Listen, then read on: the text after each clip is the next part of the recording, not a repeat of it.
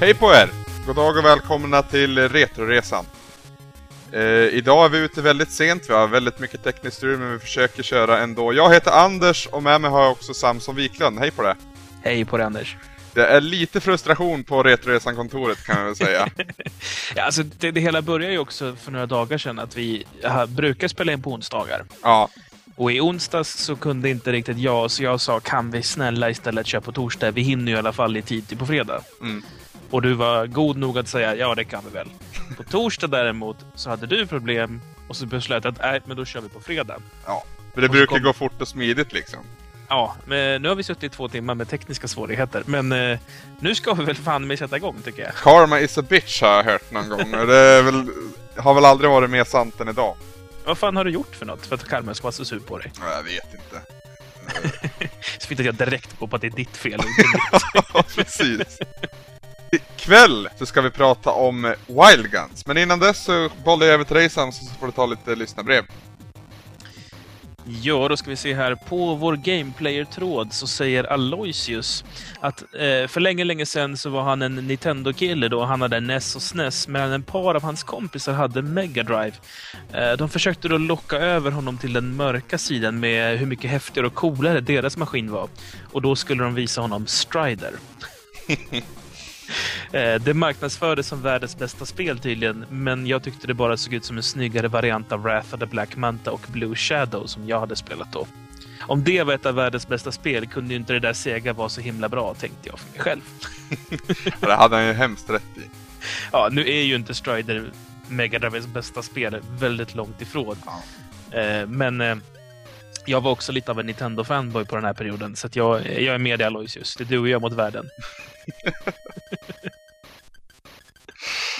Ja. ja, sen har vårt loading-tråd vaknat till liv igen. Ja, väldigt kul tycker jag. Ja, där är det lite blandat då. Herr, Kli, Herr Killman är det till och med. Eh, tycker att det här låter intressant och ska lyssna lite mer när han har en stund till övers. Det tycker jag du gör alldeles rätt i, herr Killman. Eller är det Kill? Jag kan inte riktigt säga. Jo, det är herr, herr Kilman kanske det. Jag vet inte. jag tänkte kalla det Killman. För han, han, får, han får mejla in och rätta oss, helt enkelt. Oh, Herkilman. Det är coolt. Alltså, tänk att det är Herkil. ja, det låter som ett judiskt efternamn. Herkelman. Ja, jag tänker köra på det. Ja. Välkommen Herkelman. Det är jättekul att du är med oss. Jag hoppas att du uppskattar vår podcast. Det gör jag. Härligt att höra. Corell skriver också att han snubblade över oss eh, av en slump för någon vecka sedan och eh, tycker verkligen att han ska fortsätta lyssna och han säger att det är riktigt, riktigt gott. Och sen får vi en smiley med solglasögon. Jag tror att det är coolt. Ja, det, det, det är rätt coolt med solglasögon. Det har ju Magnus Uggla visat länge nu. uh, ja, men det, det är kul att han snubblar över oss. Spread the word. Eh, samma dag, skriver, dagen efter, skriver också Corell i samma tråd. Lyssnat på lite avsnitt nu. Skönt att höra Bash av Strider. Verkligen aldrig förstått vad folk ser i det. Och det, ja, det har ju inte vi heller uppenbarligen. Corell tycker dock att topp 100-inslaget är lite sådär. Det finns en del sköna ljusglimtar, som till exempel Ignition, vilket gör att det funkar. Final Fantasy 4-delen är trevlig. Mm hälsar han. Eh, han skulle gärna vilja spela spelet men hade tagit sig tiden. Och det här fungerar som ett substitut för honom. Spelat igen är det väl? Det kanske står. Ja, jag har för mig jag läste den där. Ja, spela om det längre. Ja, precis. Ja. ser man. Ja, det är kul att han gillar den. Eh, någon som kallar sig själv för Destruction Preventer undrar ifall jag jobbar på Xbox-supporten. han har tydligen ringt in och pratat med någon som också heter Samson. Det är det som är så coolt. Och tydligen låter som jag. Eh, ja, jag blev ju nyfiken så jag ringde supporten. Eh, och tro på fan, de har en Samsung på kontoret. Är det kanske din Evil Twin Brother? Ja, man, må, alltså, man måste väl vara ganska evil om man sitter och lyssnar på folk som säger du, jag har tre röda lampor igen nu. jag blev bannad igår, ja. Ja, varför då? Jag vill ha pengarna tillbaka. jag vet inte, det känns som att eh, Eh, jag hoppas i alla fall att om jag behöver ringa till supporten så, så ska jag be att få prata med Samson och säga du, vi har samma namn, kom igen, ge mig lite prylar. ja, misstänkligen kommer det inte funka, men jag, jag håller i alla fall tummarna. Mm. Lefyrius har också skrivit på vår sajt, retroresan.se. Han undrar när man ska skriva vad man tycker om spelet man har spelat för att få med det i programmet. Mm. Eh, ja, onsdagar är väl där vi brukar spela in. Ja, jag, fan, jag skrev ett svar på den kommentaren att, och då satte jag onsdagar klockan åtta som liksom Mm. absolut senast. Det får ju hemskt gärna komma in tidigare för att liksom vara på den säkra sidan, men det är väl in, vi spelar väl aldrig in innan dess då kan man väl säga. Lefyrius säger också då angående Strider, han spelade Strider och kan konstatera att det borde ha anpassat spelet mer till konsol. Han uppfattar det också som arkadsvårt, vilket gör att det är tråkigt. Höjdpunkten är ju också gravitationsbanorna, precis som vi också tyckte. Mm. Han säger dock att han hade inga problem alls med den här gravitationsbossen. Den kan man undvika ganska så lätt. Eh, oj. Men jag tror du Lefyrius helt enkelt är jävligt mycket vassare än vad du och jag är. Ja, eller så är vi bara, var vi extra korkade när vi spelade där, du och jag. Ja, men vad är det som är var bra om, om inte att inte vara korkad? Ja, en bra fråga. Ja. Avslutningsvis säger Semus att han eh, vill bara säga att han verkligen gillar när du pratar om Final Fantasy 4. Hoppas på att få höra om underbara sexan och sjuan senare. Ja, det är kul att han uppskattar det. Vi får se vart det bär av någonstans. Jag kommer att tänka på det, är det inte lite som Giant Bombs Endurance Run av Persona? Ja, det vet jag ingenting om, men det kan, det kan väl stämma. Ja, men det, du, vet vad det, du vet vad det är för något va? Nej? Uh, uh, Sight, and Giant, uh, Sight and Giant Bomb känner du till? Ja, ja. Eh, de sattes ner, jag minns inte vilka de men två killar i redaktionen sattes ner med en sån inspelnings till sin Playstation och sen så lirade de hela Persona 3, tror jag det är. Okej. Som också är ett rollspel då, från början till slut. Och så gjorde de det i typ 15 till 30 minuters bitar och så kom de upp på sajten typ en gång i veckan. Så du kunde verkligen spela hela spelet från början till slut tillsammans med dem och höra dem sitta och kommentera hela tiden vad som händer. Fan. Ja, det blev så här 150 avsnitt eller sånt där. Men de klarade det nyligen och det var så stort och episkt. Att så här, Oj, det här är slutet på spelet. Ja. Ja, men det var vad jag fått in i lyssnarväg den här veckan. Får jag bara säga det lite snabbt att, eh, ja, för framtida Final Fantasy-avsnitt då, så att säga, eller de, ni får gärna lämna kommentarer på vad som är bra och vad som är mindre bra och hur det kan bli bättre. I, i sättet jag pratar om spelet och, och ja. Ja, det, hittills har det varit inget annat än en spoilerfest va. Jag har ju i princip dragit hela historien och det verkar ju vara uppskattat så det är kul men det kanske finns något annat sätt att berätta det på. Då, förslag mottages gärna. Jag tycker det är som en sagostund. Jag gillar det. ja, det är faktiskt lite det. Men så upplever jag när jag spelar det också. ja, men det är perfekt. Ja. Då då, kan vi stänga postsäcken nu? Nu stänger vi postsäcken.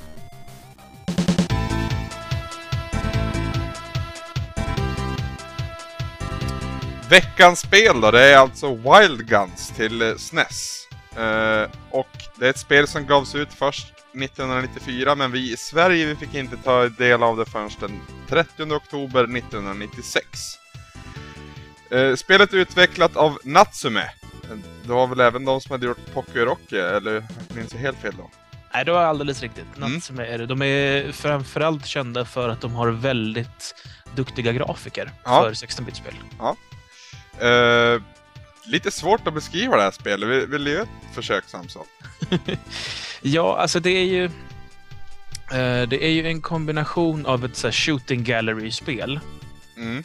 Eh, men det är samtidigt är det ju liksom ett plattformsliknande spel. Alltså du, du har så att säga som en stillbild, eller ja, kan man säga, en, en plats som är typ en till en och en halv skärm stor så att du kan liksom röra dig lite på den. Mm, vänster till höger i princip. Ja, precis. Sen har du då en gubbe som du styr som kan eh, dels gå förstås, också hoppa, dubbelhoppa och då hoppa lite i sidled och främst av allt skjuta. Mm. Eh, Du styr gubben genom att styra styrkorset, men när du också gör det så styr du på ditt sikte. Så att du har liksom som ett sånt ljuspistolsikte hela tiden. Mm. Eh, Eh, om, du, om du skjuter och liksom håller in skottknappen, vilket man under stora delar av spelet gör, då, då styr du ju bara siktet. Medan om du släpper på skjutknappen, då kan du ju liksom även flytta i sidor. Du kan hoppa och göra en undanmanöver. Precis, alltså det, när du ställer dig och skjuter så står du still helt enkelt. Mm. Ja, eh, jag vet inte. Det, det, varje bana går på tid. Mm. Eh, och det handlar liksom om att du ska överleva eh, genom den här tiden och sen så får du möta en boss. Eller och jag, är... Om vi säger varje bana. Eh, varje bana består väl av tre skärmar i stort sett. Eller de flesta gör det i alla fall. Och varje skärm har en, en subboss och sen är tredje skärmen där är det en slutboss för den banan. Sen när Ja. du klarar den episoden så att säga. Det, det är svårt att avgöra. Men ja, det, allting kommer i sjok om tre och det finns sex stycken såna här sjok, allt som allt. Mm, exakt. Eh, vad tyckte du om svårighetsgraden då Samson? Ja, alltså jag, eh, jag började på liksom normal svårighetsgrad. Finns? Jaha, jag vet inte ens att det finns ändra. Nej. Jo, det finns. Ah, Okej. Jag började på normal svårighetsgrad och tyckte att det var liksom eh, ganska så lagom utmanande. Det man dör ju rätt så mycket i början tills man får kontroll över mekaniken. För det är sånt här spel som... Det känns också väldigt arkadigt i att det finns en väldigt hög första tröskel. Mm. Eh, och när du väl har tagit dig upp för tröskeln, då blir du mycket lättare plötsligt, för då har du koll på allt. Men det tar ju åtskilliga liv innan man har fått grepp på allt. Som till exempel då det här att eh, man kan ju dodga så att säga i sidled. Mm. Eh, du är odödlig när du gör, för han rullar eller han eller hon kastar. Det är två personer man kan spela som ska jag också säga. Mm. Det är Clint eller Annie. Ja, det är så skönt att han heter Clint. Ja. och eh, båda två kan då slänga sig till höger och vänster och hoppa som sina undanmanövrer så att säga. Och i själva slängningen så är du odödlig. Mm. Och det är ju guld värt, för det är ju inte någonting man tar för givet från början. Så Nej, alltså, man, jag, jag märkte inte den här slängningsgrejen när förrän jag hade dött ett antal gånger. För att du måste hålla in skottknappen och sen trycka på hoppknappen samtidigt för att utföra den. Mm. Och innan, innan där hade jag släppt på skottknappen och gjort liksom ett hopp eller ett dubbelhopp. Och då landar ju naturligtvis alltid en dynamitgubbe hamna eller någonting sånt. Alltså det, ja, det är också det. Fienderna skjuter ju förstås tillbaka på dig. ja. Eh, och det är jävligt tacksamt att faktiskt varje gång det är något skott som är på väg mot dig så får du faktiskt upp en liten, eh, som ett sikte som visar att det är någon som har siktat på dig. Mm. Det kom upp en pratbubbla som lookout, står det väl? Ja, det är också faktiskt. Eh, vilket faktiskt är sjukt behövligt. För man behöver alltid veta det så att det inte kommer några sneaky skott som du inte tänker på som träffar dig. Så bara, men vad fan var det där? Som det brukar ofta bli i lite så här bullet hell shooters. För det blir lite bullet hell över det hela här. Mm, verkligen. Eh, beträffande svårighetsgraden tänkte jag komma in på. Det var som du sa att i början då hade man ju liksom problem att överleva. Sen så började man komma in i det mer och mer och till slut så tycker man att man är grym. Sen så händer någonting. Eh, du upptäcker att du kan skjuta på dina fienders skott och på så vis ladda upp en mätare. Och när den här mätaren är, när den här mätaren är full, då låser du upp ett dundervapen, Vulcan Cannon tror jag den heter. Ja, precis. Eller Vulcan Gun kanske. Ja, precis. Skitsamma. jag började dö så otroligt många gånger då, för jag ville bara fylla upp den där. För ni ska förstå det här, kära lyssnare, att när man har det här vapnet, då är man odödlig och då är det liksom ett helt nytt begrepp av awesome öppnes när man får använda det här vapnet. Så man vill ju liksom ha det så ofta som möjligt. Så det var, det var lite roligt för att först var det ett trappsteg upp för att liksom hamna på en nivå där jag lyckas överleva. Och sen när jag väl var där, då upptäcker jag den här funktionen och då blir det ju svårt. Fast då är det snarare mitt fel då, för att jag tar vatten över huvudet konstant. Ja, så det spelar ju på att du som spelare tar risker. Mm. För att, alltså, som sagt, när du väl har lärt dig det där om, om hur du ska att överleva, då kommer liksom... Natsumi är så smart att de har liksom byggt in ett extra lager djup där. Mm. För att du, du sitter ju hela tiden och så bara, men jag klarar det, jag klarar det, jag klarar det. och det är så här, varför gör jag det här? Jag hade kunnat klara den här banan för länge, länge sedan. Ja, det där har flugit genom skallen många gånger under speltiden kan jag säga. Den här ångesten över sin... Ja, Ja, jag tycker att det är faktiskt ett jävligt smart knep de har där. För det, det, det spelar på helt rätt sätt. Det, det, det, är bara mitt fel att jag dör. ja, och de, de bygger hela grejen på att det blir så svårt som du gör det. Ja, Och det är ett jävligt bra sätt att balansera ett sånt här spel. verkligen. För är du inte lika vass på spelet så kan du ju faktiskt bestämma dig för att nej, jag ska skita i det där och försöka klara banorna. Så liksom får du fortfarande njuta av spelet. Mm. Så det är väl, väl, eh, välbehövligt med lite smarta liksom, svårighetsgradslösningar. Jag vart väldigt förvånad över att jag hade så pass mycket kontroll på vad som hände på skärmen ändå. För att på de senare nivåerna då blir det väldigt kaotiskt. Det är folk överallt som skjuter mot och kastar dynamitgubbar och robotar dyker upp här och där. Men man, jag upplevde i alla fall att man har hela tiden kontroll på vad som händer och du, koncentrerar dig ordentligt så överlever du. Det, det krävs, det, det, det ska man en väldigt stor eloge för. Glömde vi nämna också att eh, du kan ju kasta lass också. Ja, just det. Eh, det gjorde i och för sig jag väldigt sällan. Ja, jag också. Däremot fick jag en hel del jävla lasso på mig, vilket är jävligt störande. Men jag, jag fattar lite grejen med lassot. Var alltså, det, är, det är ju i princip också en projektilattack bara. Mm. Men vad, vad är grejen? Varför, varför? Den tar ju så mycket längre tid att avlossa eftersom du måste stå och vifta med ett lasso först. Mm. Vad är grejen med lassot? Ja, jag vet inte. Jag, jag, jag vet att jag använder den på, ja, vad blir det då? Bana 1, del 2. Den bossen, den här taniga gubben som går omkring i baren och ser fjant ut. vet du vilken jag menar? Ja, jag vet precis vilken det är. Och då funkar det rätt bra för att liksom, ja. Det tog skada på handen när jag hade den i lassot. Men eh, annars, nej, det, man använder inte så mycket. Sen kan man även använda, ja, en del fiender dyker upp på samma ja, våglängd som dig då så att säga. Så att du kan använda en typ av melee-attack och sopa till den här personen i fråga. Nu ska jag vara svenskläraren här och säga de rör sig på samma nivå i Z-planet som du. Z-planet, okej.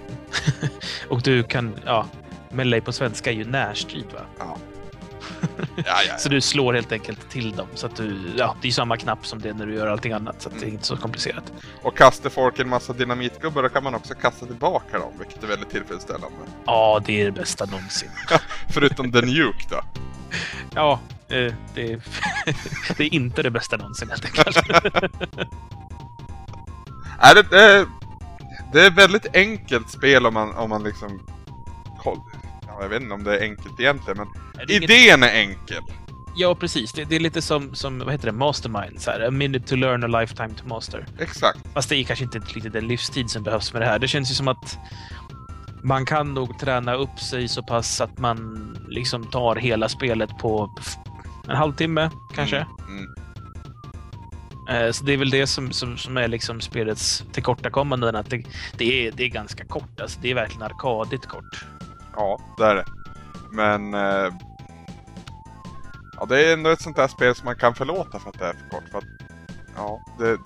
Ja, men det, det är så en, en kort liten burst av, av lycka. Ja, Det, det kommer liksom lite och intensivt, för det är verkligen intensivt spelet. mm, det är det. Så det, det kommer ju verkligen som puff av det. Från, Men, eh, från stund ett är det ju intensivt också. Det blir en riktig sån här överkörare när du börjar första banan i Carson City där. Det blir liksom, allt händer på en gång tycker man. Ändå trappas det upp hela tiden och blir svårare och svårare. Mm. Eh, du nämnde tidigare att Natsume var kända för att tillverka fin grafik i spel och det håller jag med om, framförallt i det här. Jag tycker det ser jäkligt bra ut. är förbannat jävla duktiga. Alltså dels på designen alltså av hur gubbarna ska se ut. Alltså liksom skissa fram hur deras utseenden respektive. Mm. Eh, och fienderna och miljöerna förstås. Men sen också bara, det här alltså handlaget att pixla upp det. Känns Mm. det som att de gör för jävla bra. För det ser ju ruskigt snyggt ut. Mm. Alltså okej, visst, nu är det kanske inte så jättekrävande med liksom de här stillbilderna. de här screensen man slåss på. Så att det liksom, man har ju kunnat spara ganska mycket kraft och minne på, på att det inte behöver vara så mycket olika grafik. Och att då den lilla stackars processorn i, i eh, nu höll jag på att kalla den för Xboxen, i Super Nintendo eh, liksom ska orka med det här då.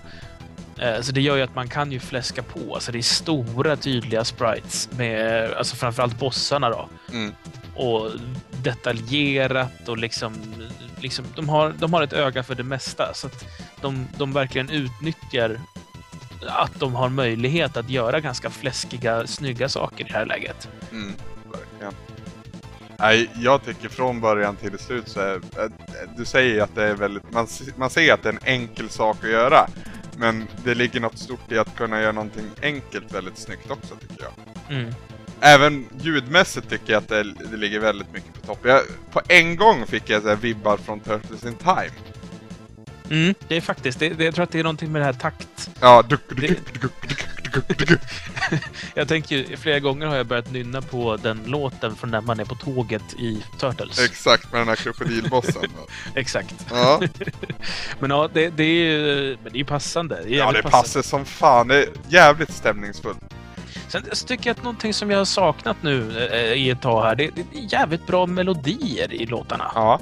Det är liksom, utöver att de är så här sköna och västerniga, så, så det finns liksom en melodiös kvalitet där också. Det är liksom, det skulle kunna vara något som man går och nynna på en, en vanlig dag liksom. Till alla er som sitter i något garage och kör ett sånt här tv-spelsmusiks coverband då, så kan jag starkt rekommendera Wild Gun soundtracket som inspirationskälla. Mm. där kan jag tänka mig att det finns mycket material att göra någonting av. Jag måste ju dock säga, jag tycker att musiken går mer i västern än i robottema. Ja, jo, jo. Eh, så det känns ju som att det, här, det, det är lite synd att man inte får den här bizarra kontrasten som man får i, i grafiken, där det faktiskt är vilda västern och allting känns tidsenligt. Men det finns robotar här som känns väldigt framtid och megaman på något vis. Ja. Alltså, de har ju bytt... De hade ju kunnat satt indianer liksom. Cow Ja, fast- Cowboys och indianer, men de bytte det där och ändrade till robotar istället. Jag vet inte om de torskar någonting på det här egentligen. Nej, Jag skulle säga att det är det här som är Natsume. Det är liksom så här, indianer? Indianer? Är du dum i huvudet? Robotar ska det vara. det, är- det är för mig är verkligen ett, ett bra exempel på varför Natsume är ett fantastiskt coolt spelhus. Alltså som sagt, Pocky och Rocky som jag gillar väldigt, väldigt mycket. Mm. Eh, det, det är ju fyllt av samma... För det är ju någon slags bizarr humorgrej i de här kontrasterna. Mm. Och det är ju med största sannolikhet också tanken med. De har ju inte så här trott att det fanns robotar på vilda västern. Utan det är liksom för att ett, det är coolt med robotar. Två, det är en cool kontrast med den här liksom slutet på 1800-talets vilda västern i amerikanska västerns eh, ökenklimat och så vidare. Eh, Och det funkar liksom jävligt, jävligt bra på något vis ändå. Alltså det känns som att det är så här... Jag, hade en avatar en gång i tiden på bland annat Gameplayer där det var eh, Robocop sittandes på en enhörning framför en regnbåge med delfiner i bakgrunden. I solnedgången. Eh, Och det är någon form av så här, du vet, kaka på kaka mentalitet som jag är väldigt förtjust i. Ja, men lite som kebab på en pizza. Ja, Eh, innan vi går in på pizzan i, i fråga så... Storyn? Ha, fi, finns det någonting och i så fall hur fan får de ihop det? eh, du får ingen förklaring till varför det finns robotar. Eh, de det är jag inte så Det- förvånad över. Utan det enda de egentligen berättar om, det är att Annie en av de här karaktärerna man kan välja. Mm. Hennes man eller barn, någon väldigt nära familjemedlem till Annie har blivit kidnappad. Okej.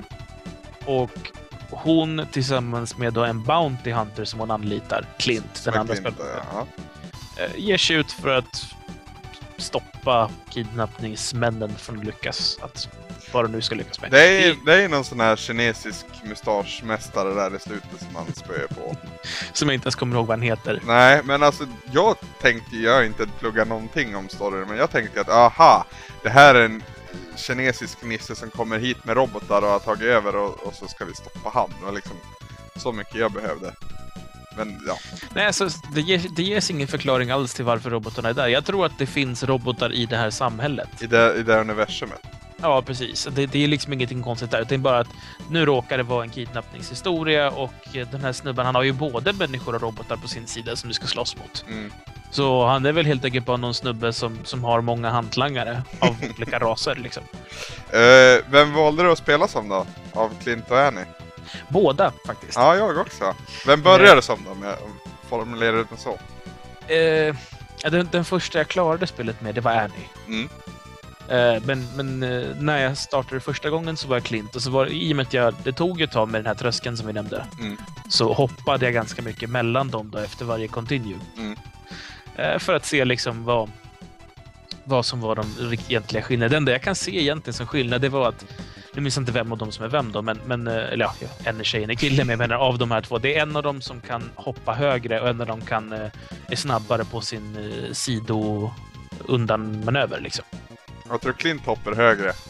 Ja, så kan det vara. Ja. Medan hon rör sig snabbare i sidled när hon ska liksom skutta över bort från skott. Jag måste ju säga att Annie ser väldigt mycket ut som Judy Foster i Maverick alltså. Ja, fast jag tror att det är ännu äldre du ska tänka. Nu minns jag inte vad hon heter, men, men det är Annie... Annie någonting. minns inte vem, men, men det är lite tidigare än Maverick. Ja. Eh, eller lite, ganska mycket tidigare. Eh, Clint, det är ju Clint Eastwood. Ja, det, Det, måste... liksom ingen äh, det finns inga likheter i utseende mer än att han har liksom samma utstyrsel i princip. Ja, eh, vi har ju pratat ganska mycket om detaljerna så att säga fram och tillbaka i spelet, men på det stora hela, så det, det är ett ganska kort spel. Det är sex banor med tre delar i varje bana som jag nämnde och boss på varje. Mm. Vad, vad tyckte du om bossarna förresten? Det har vi inte pratat om. Alltså, jag vet inte vad jag ska tycka egentligen. Alltså det är ju... Allmänna intrycket från spelet är att det är kul och det ändras inte någonstans vid bossarna, det går snarare upp. Jag vart ju ofta peppad när jag liksom skulle in för en bossstrid. Sen eh, de här subbossarna i fråga, det är framförallt den här taniga killen som dyker upp lite då och då tycker jag är lite smådryg. För så länge du skjuter på han så, så kan inte han attackera dig. Och så kryper han och håller på och fjantar och tar sig. uh, och det går ju bra så länge inte han har några andra med sig, vilket han får naturligtvis längre in i spelet. Och dyker upp massa robotar samtidigt som man måste hantera. Men uh, alltså det är så pass lite frustration jag pratar om det så att det är liksom det, det får inte plats i allting som är så roligt. Förstår du vad jag menar? Jo, alltså jag, jag håller delvis med dig, men samtidigt så tycker jag att det är också ett problem. För jag tycker att när jag kommer till en boss, Mm. då vill jag att bossens gameplay ska skilja sig eh, liksom åt, ganska så tydligt mot resten av, av det vanliga gameplayet. Mm. Alltså när, när du i Mega Man till slut når din, din boss, då är du liksom inlåst i ett rum med den här bossen tills en av er är klara. Du kan inte bara typ lämna skärmen eller du vet, och det tar du måste undvika honom mycket mer och så vidare. Så det, är liksom, det bygger på samma gameplay-funktioner som du har använt tidigare på banan, men nu är det liksom en helt annan situation. Bossarna här tycker jag känns väldigt, väldigt mycket som bara samma sak som på banan, fast lite mer intensivt kanske. Ja, och så tål de med stryk. Ja, precis. Det tar ett tag innan gubben dör. Ja. Och vi pratade om det här för länge sedan på Savepunkt, att så här, FPS-spel har ungefär den här sortens bossar i vanliga fall. Om vi tänker Cyberdemon från Doom till exempel, så Mm. gammalt FPS. Cyberdemon gör du ingenting annorlunda på förutom att han har mer liv. Ja. Det är precis som vilken fiende som helst. Eh, och det konceptet finns liksom överallt. Det är väldigt sällan det är något så här lite mer set piece Mm. Eh, över bossen. Och jag gillar när bossen är lite mer av en sån event. Alltså jag, till exempel så Devil May Cry-bossarna är jag väldigt förtjust i. Mm. För då är det något speciellt som händer. Liksom. Nu är det bossdags. Nu, nu är det annorlunda här. Ja, men det är väl typ främst anledningen till att man, varför man spelar de spelen också. Eller ja, vi ska inte prata skit om det övriga, men det är ju bossarna som är den stora, stora behållningen så att säga. Precis. Och i ett sånt här spel så finns det potential att kunna ha med läckra bossfighter. För det är, alltså hela spelet känns ju väldigt eventbyggt. Mm. Allting är liksom strikt eh, bestämt i förväg av Natsume. Det finns ju till och med en timer som du ser i bild som visar hur länge du ska vara här innan det är dags för nästa moment. Och här hade man ju faktiskt kunnat utnyttja det faktum att Natsume har en sån kontroll över vad som händer. Där hade man kunnat ge något riktigt häftigt i bossväg och det tycker jag de faller lite på. Mm. Ja, men det, det är som du säger också att... Eh, ja, jag tänker framförallt på sista bossen nu som är en bitch. Det tänker jag inte förneka. Där hade jag ja, väldiga bekymmer ett tag. Eh, Framför, ja, det måste jag flika in med. Framförallt när han kom till din... Ja, vad var det nu då? Z... Z-ledet. Z-ledet ja. Z-axeln. Ja, Z-axeln. Eh, spelets bad guy kommer in på den, på den axeln i alla fall. Och i vanliga fall så har man ju bara behövt undvika när de kommer in så. Men eh, den här jäkeln måste man slå tillbaka också samtidigt som du, du duckar för 15 000 kulor ungefär samtidigt. så ja, men det var ju kul. Men eh, det blir ju att bossen känns inte som en boss utan det känns snarare som en tuff situation som du måste klara. Ja, precis. Det, det, är nog, det är nog ganska så exakt vad jag också menar på. Ja. Så att, ja, vi är överens helt enkelt. Det, det känns inte som att det är helt perfekt gjort där. Det hade kunnat gjorts bättre. Ja. Kort och gott. Ja Samson, våra lyssnare börjar förstått mer och mer vad vi vill med det här projektet egentligen. Och det är, det är att de spelar spelen samtidigt som oss så att säga och lämnar kommentarer. Har vi någon nu som faktiskt har förstått vad det handlar om? Oh ja, det är Lefyrius som eh, låter hälsa via retroresan.se sex stycken punkter han vill ta upp angående spelet. Ja, det, är, det är klockrent Lefyrius. Eh, Ja, Stort det, tack. det är stjärna i kanten och kors i taket och vad, vad fick man mer för presenter när man var liten? Jag vet inte. Halleluja!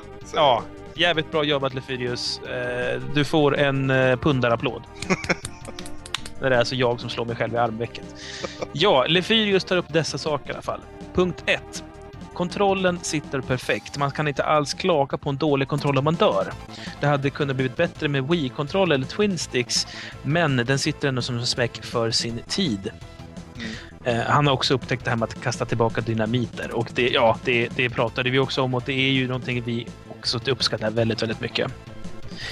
Lefyrius säger också att det är extra kul att vara två spelare. Jag fick inte chansen att prova det tyvärr. Nej, inte jag heller. Eh, vilket är skittråkigt, så vi kanske ska följa upp med att vi testar det och bara ser lite kort om det är någon skillnad. Vi får ha något co-op special här i framtiden. Där Men upp- du, det är en jävligt bra idé. Den, den spar vi. Den lägger vi på hyllan. Eh, Lefyrius lägger också till att det blir aldrig för svårt, utan det är precis lagom svårighetsgrad hela tiden. Eh, och så kan man ju också förstås då jaga efter mycket poäng som möjligt. Eh, och han säger också att minibossarna blir superlätta med lassot. Jag, jag fick ju aldrig någon grepp på det här med lassot, så jag, jag nötte ju med den vanliga puffran där. Mm. Och det här med svårighetsgraden, det, det tror jag ligger mycket i, som vi sa då, att man, man, man gör ju det så svårt som man vill, så att säga. Du jagar ju efter en nivå själv. Precis. Och antingen ser du poäng då, eller som i ditt och mitt fall är det jakten på den underbara Vulcan Cannon. så att eh, jag är helt med att det är, det är absolut lagom svårt. För det är så jävla smart gjort av något som är att det är du som bestämmer hur svårt du ska ha det. Mm. Genom hur du spelar, inte med någon så här inställning någonstans som du sen ångrar. Eh, så att ja, jag håller helt med dig. Mm. Punkt nummer fyra, eller fyra står upp, det är grafiken. Och han håller med oss då. Han tycker att den är inte daterad och han tycker att den är funktionell. Detaljerad och coolt att man kan spränga upp vissa saker. Det Ja, glömde vi prata om. Just det, förstörbar miljö. Det har han Ja. helt rätt i.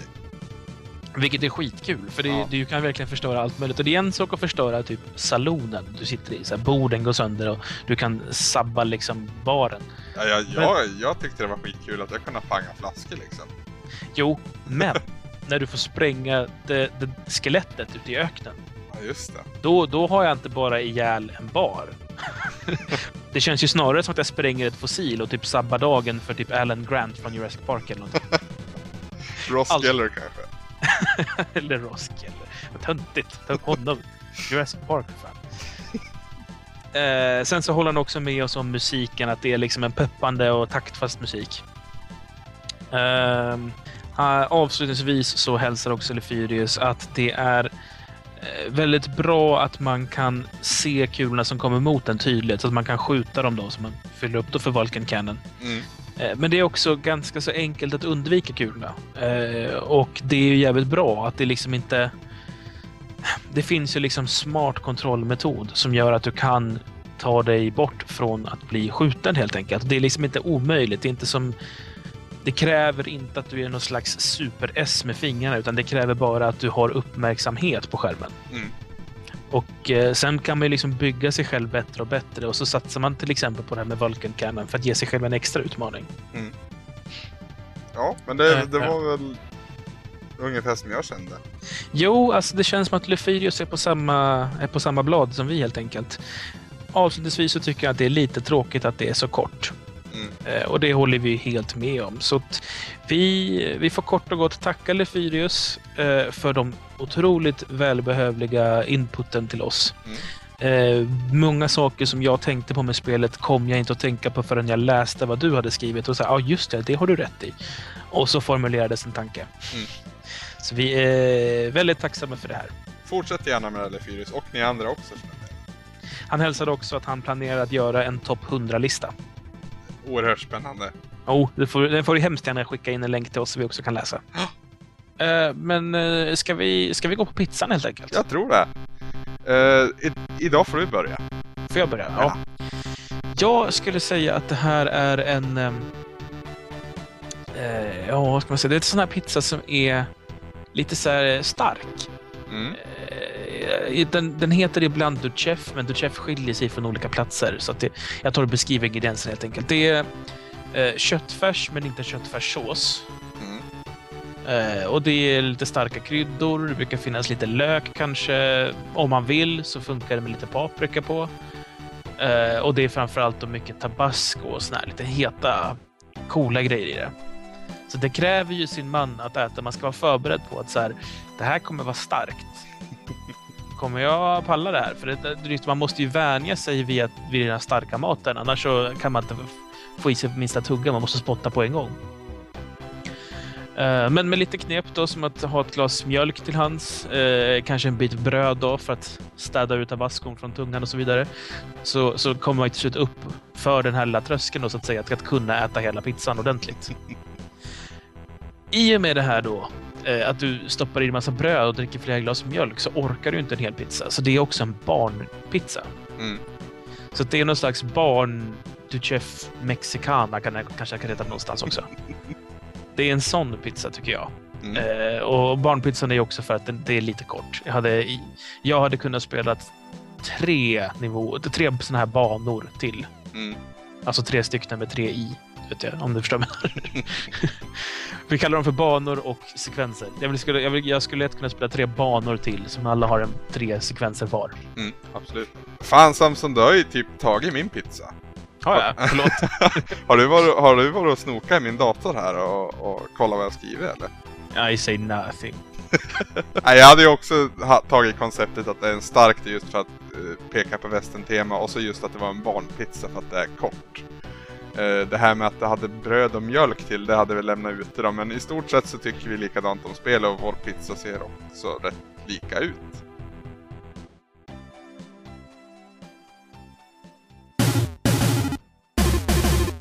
Då ska vi ta och lyssna på lite musik igen. Eh, och än en gång så introducerar vi en ny kategori eller en ny genre. Eh, för mig sitter det väldigt långt inne att kalla hiphop för musik. Eh, jag tror vi tycker rätt lika där. Eh, av all skit som släpps från den här genren så är det svårt att hitta typ en eller två bra låtar per år. Du är så jävla vit, Anders. Hiphop finns det jättemycket bra i.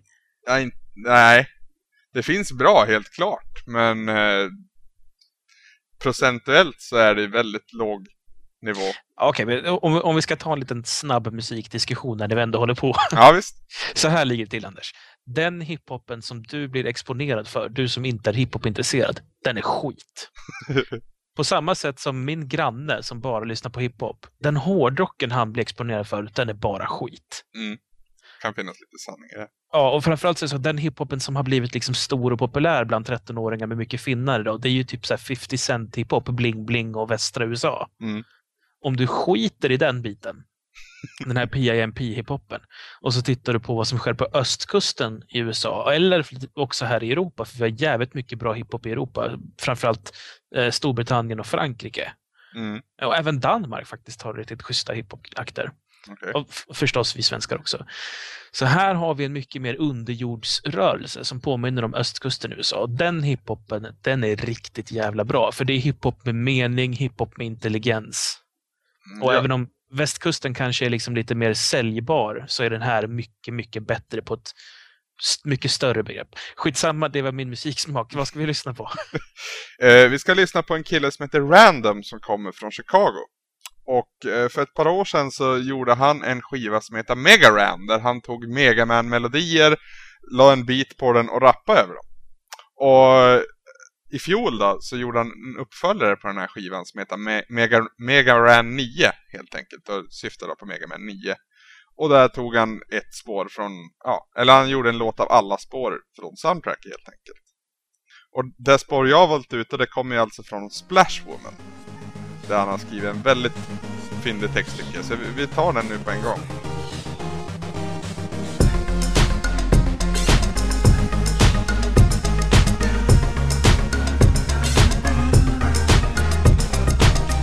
Is a mission, not a small time thing. Got me on the case like I'm Sherlock Holmes. My dome kinda messed up from what I've been seeing and what I've been hearing. Got me not knowing what to believe in. I was breezing, battling bosses. The record is flawless. Zero losses till I came across this stunning young piece who resided at the bottom of the sea.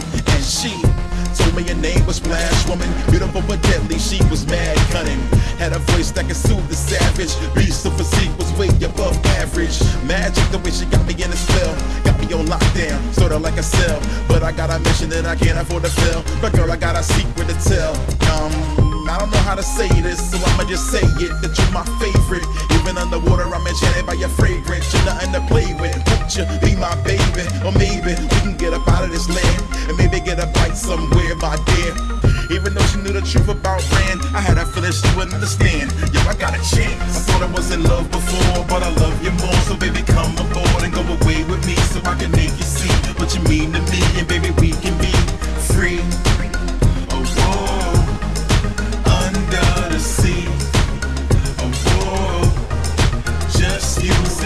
Every couple years I get that feeling. Feeling like I'm about to hit that ceiling.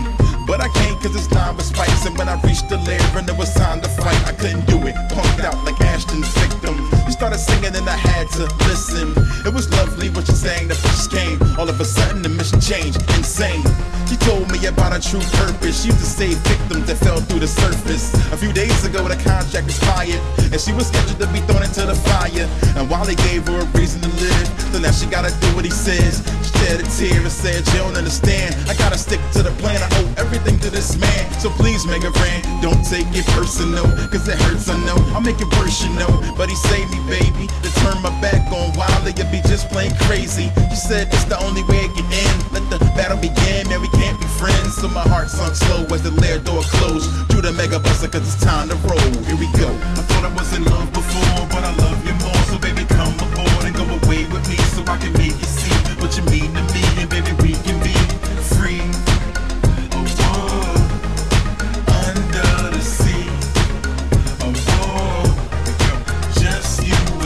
So the battle was on and it was fierce. She hit me in the side and left the armor pierced. On her command, the fishes attacked me. I cocked the mega buster and hit him exactly. But the battle took a turn that was odd. Every time I fired a shot, she didn't dodge. She took each blast from the arm cannon, smiled at me as every shot was landing. At first, I didn't know what she was planning.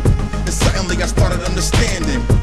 I think she letting me win, giving me what I need so I can get to the end. By the 17th hit, she began to stagger, fell to the ground, so I ran and grabbed her. Looked her in the eyes, she tried to laugh, pulled me close and handed me her staff.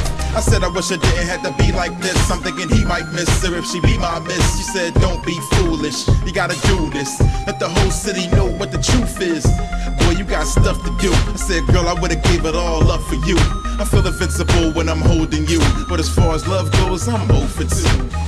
I thought I was in love before, but I love you more. So baby, come aboard and go away with me, so I can make you see what you mean to me, and baby, we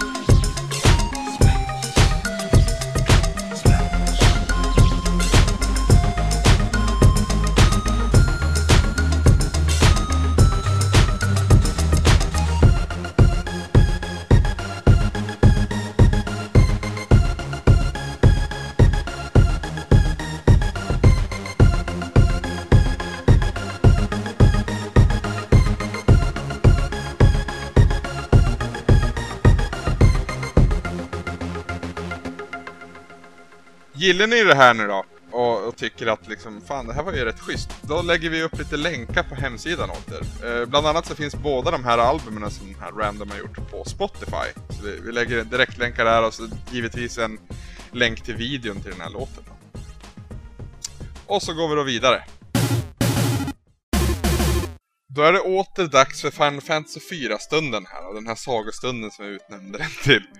Eh, Ja! Ja! Ehm, senast vi pratade så hade jag stött, mitt, stött på mitt största nederlag hittills. Jag hade blivit av med den sista mörka kristallen när Golbliss än en gång tog kontroll över Kane. Och Kane tog kristallen från oss och, och stack helt enkelt. Efter det nederlaget åkte jag till den här lilla dvärgbyn, la mig där och sov och det var där jag började den här gången. Eh, det första jag gör är att jag åker till kung Giot och pratar med han och han berättar att det finns någonting som, ja, en Lunar Whale helt enkelt. som, som ska vara någon typ av passage till månen eller ett, ett, ja, ett rymdskepp. Vad, vad ska man kalla det? Ship of Light brukar kallas det väl i spelet? Ja, det, det kan stämma. Är ett skepp som kan ta en till månen helt enkelt. Eh, senast vi var nere i underjorden dock så, så sprängde ju Sid igen ja, utgången då till ö, ö, ja, överjorden, heter det så? Så ja, Sid han eh, utrustar den här vårat skepp Falcon med en borr som gör att vi kan ta oss upp. Och när vi har tagit oss upp till eh, överjorden, om vi väljer att kalla det så då, så Markvärlden. Ja, den vanliga världen. Det, det finns världen och sen finns det under jorden. Ja. Eh, när vi kommer upp dit i alla fall så åker vi till Mysidia och där träffar vi de här Elders då. De berättar om Lunar Whale. Alltså framförallt så, så eh, manar de ju fram den så att säga. Att de, Mm. de, den, den måste ju, det, är ju, det är ju inte ett, ett fysiskt skepp på det sättet, utan det är ju ett magiskt eh, fenomen. Eh, Lunar Whale så att säga. Mm. Så det, de här Elders behövs ju då för att kunna få fram Lunar Whale. Så att ni kan använda dem för att ta er till månen då. Ja, just det. Och det, det lyckas de ju med. De, de ber till det här skeppet som, som stiger från sjön. Det, det återuppstår så att säga. Och via det här skeppet så kan jag med mitt party ta mig till månen. Och det är rätt coolt. Månen är ju väldigt annorlunda, måste jag säga. F fantastiskt stämningsfull musik, ska jag tillägga. Jag vart lite rädd där ett tag faktiskt. Eh, fienderna är väl hyfsat lika, däremot hamnar jag i en jäkla grotta. Som vanligt när jag strosar omkring så hamnar jag på fel ställe känner jag, men... uh, jag stöter på extremt starka fiender. Lyckligtvis så har jag mycket items som gör att jag, jag levlar som en galning här. Uh, alla mina karaktärer i princip. Uh, men sen när jag väl når liksom själva målet av den här grottan så träffar jag på en snubbe som säger att jag behöver kungens tillåtelse för att ta mig vidare, vilket jag inte har. Så då får jag helt enkelt vända på klacken och gå tillbaka. Och stöta på alla de här fienderna igen då. Men under den här resan så känns det som att, ja, den var en viktig resa ändå för mig för att, ja, min level går upp så pass mycket. Eh, till slut så hittade jag en väg som kallas The Lunar Path och den följer jag. Eh, via gångar och undergångar i, på den här månen då. Och till slut så träffar jag en kille som heter Fuj... Vad fan heter han? Fu-soja. Fusoya. Exakt. Jag, är- fu, jag säger alltid fu-soja. Då, då, då känns det rätt liksom. Ja, hur som helst då. Han är en sån här Lunarian. Som kommer från en annan planet. Jag vet inte vilken planet de syftar på riktigt. Lunar betyder måne. Kan du ingenting på... Det är Jo, jo, men alltså de kommer... Det här folkslaget kommer ju inte från månen. De har ju bosatt sig där, men de kommer ju från en annan planet. Between Hmm. Jupiter and Mars, tror jag han sa. Så kanske det ja, Ja. Jag blandar ihop det. Skitsamma. jag tänkte att de var från månen. Jag ber om ursäkt. Jag Han- är fångad av namnet. Ja, det är väl så. Han berättar i alla fall lite annan information också. Det är ju rörande Cecils historia. Och det visar sig då att Cecils pappa var en sån här Lunarian. Som... Det var väl han som var ansvarig för The Lunar Whale också. Var det så Cecils pappa tog sig ner till jorden. Och sen visar det sig att också Cecil har en bror. Och det är ju naturligtvis ingen vanlig person den här bron utan det är ju ingen annan än Golbleeze faktiskt. Dun, dun, dun. Ja, en riktig twist i storyn. Eh, eh, Cecil har ju väldigt svårt att hantera det här då, naturligtvis. Uh, det vi gör dock det är att den här Fusoya, han, han ansluter sig till mitt party och vi återländer ner till jorden igen. När vi återvänder till jorden då så, så håller en, en stor jätterobot på att terrorisera jorden. Den kallas väl Giant of Babel. Uh, eh, den här kontrolleras av Golblis och det har också visat sig att Golblis då, han är i sin tur kontrollerad av en, ett väldigt ont väsen, en, en annan Lunarian så att säga, som heter Simus. Och det Simus vill göra det är att han, han vill ödelägga jorden för att ha ett nytt ställe för de här Lunarians att leva på. Uh, vi bestämmer oss givetvis för att vi ska försöka få stopp på den här roboten och till vår hjälp så får vi i princip hela världen. Kan man väl säga. Uh, dvärgarna kommer till undsättning. Edward och kompani kommer till undsättning. En person som jag inte visste var vid liv, Young, kommer till undsättning via ett luftskepp. Och attackerar den här roboten så att den får problem. Och i och med det så kan vi också gå in i den här roboten. Och försöka stänga av dess CPU. Alltså kärna kan man väl säga. Centrala processorenhet. Exakt, Central Processing Unit. Mycket duktigt.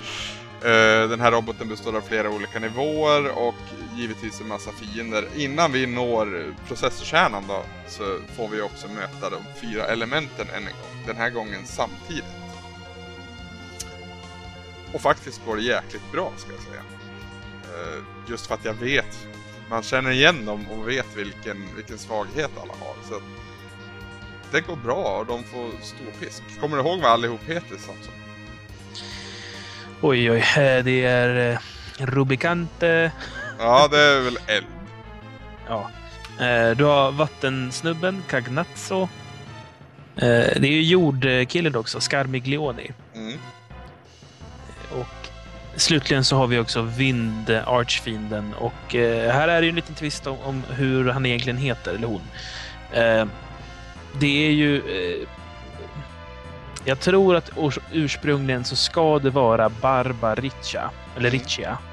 Men sen då med, med japanska ja, RB och L som aldrig riktigt blir ordentligt, att B blir V eller ganska ofta R blir L, så har det blivit Valvaricia, eller något sånt där i din version va? Ja, stämmer.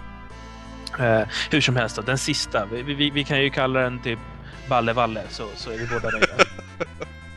Men det, är- det är ju vindsnubben i alla fall. Ja. Hur är det att slåss mot alla fyra på en gång då? Det går ju bra, man får ju ta dem i turordning. Så att, eh, och jag har ju bra partmedlemmar nu, ska jag tillägga. Eh, de är ju alla på en respektabel nivå. Men jag har ju inte så mycket referens, men eh, ja, det känns bra. Det funkar jäkligt bra. Jag klarar mig bra i den striden. Och när de faller, då, då är de borta ur leken vad jag förstått. Sen då när vi har besegrat de här äh, fyra elementen, eller ja, de, de fyra olika fiends kallar de väl. Mm. Så, så får vi då försöka förstöra den här CPU-kärnan. Den här CPU-kärnan har ju också en attackfunktion och en försvarsfunktion. Och här har jag ju problem istället. För att jag inte riktigt fattar vad jag ska göra. det, det värsta är att Fusoya säger åt mig hur jag ska göra men jag, jag förstår inte hur han menar. Men det är liksom som tre ja, olika fiender som dyker upp på skärmen. En attack, en försvar och en kärna. Och det jag gör hela tiden är att jag kallar Titan med Rydia så att hon förstör både den här attack och den här försvar. Eh, där, där gör jag fel. För att det jag bör göra, där, som jag upptäcker senare, det är att jag ska bara koncentrera mig på att förstöra försvar först. Defense kallas den. För att det defense gör det att den, det är att den helar den här kärnan i fråga.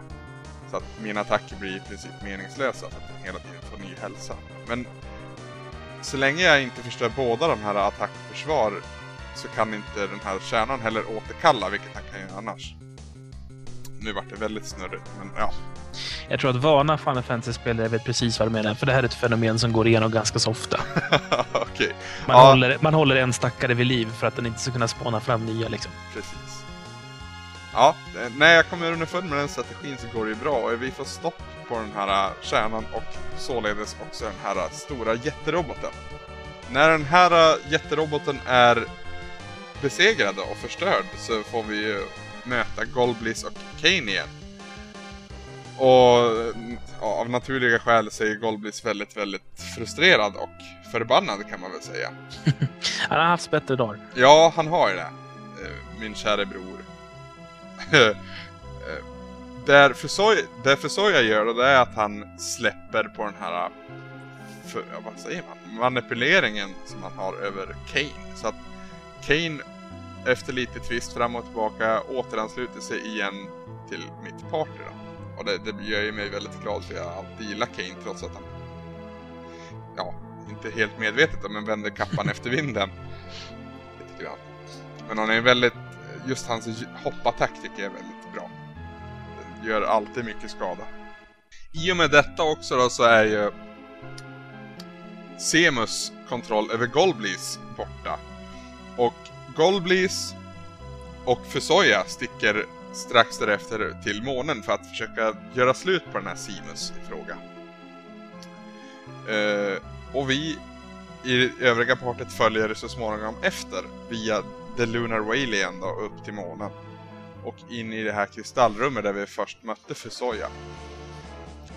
Längst in i det här kristallrummet bakom tronen så finns det en portal ner till... Jag vet inte vad man ska kalla det. Det, det är väl någon un, ja, under jorden på månen då kan man väl kalla det. det ja, månens kärna skulle man kunna säga. Den heter väl Mooncore? Mooncore, exakt.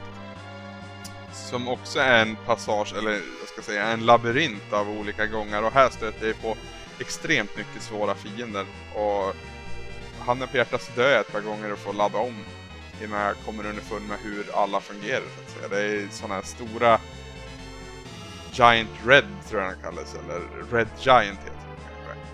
Uh, och så blåa och röda drakar som ger mig väldigt mycket besvär. Men till slut så stöter jag ju på Golbis och Fusoya igen när de håller på att försöka få koll på Simus. Och det lyckas de med första gången.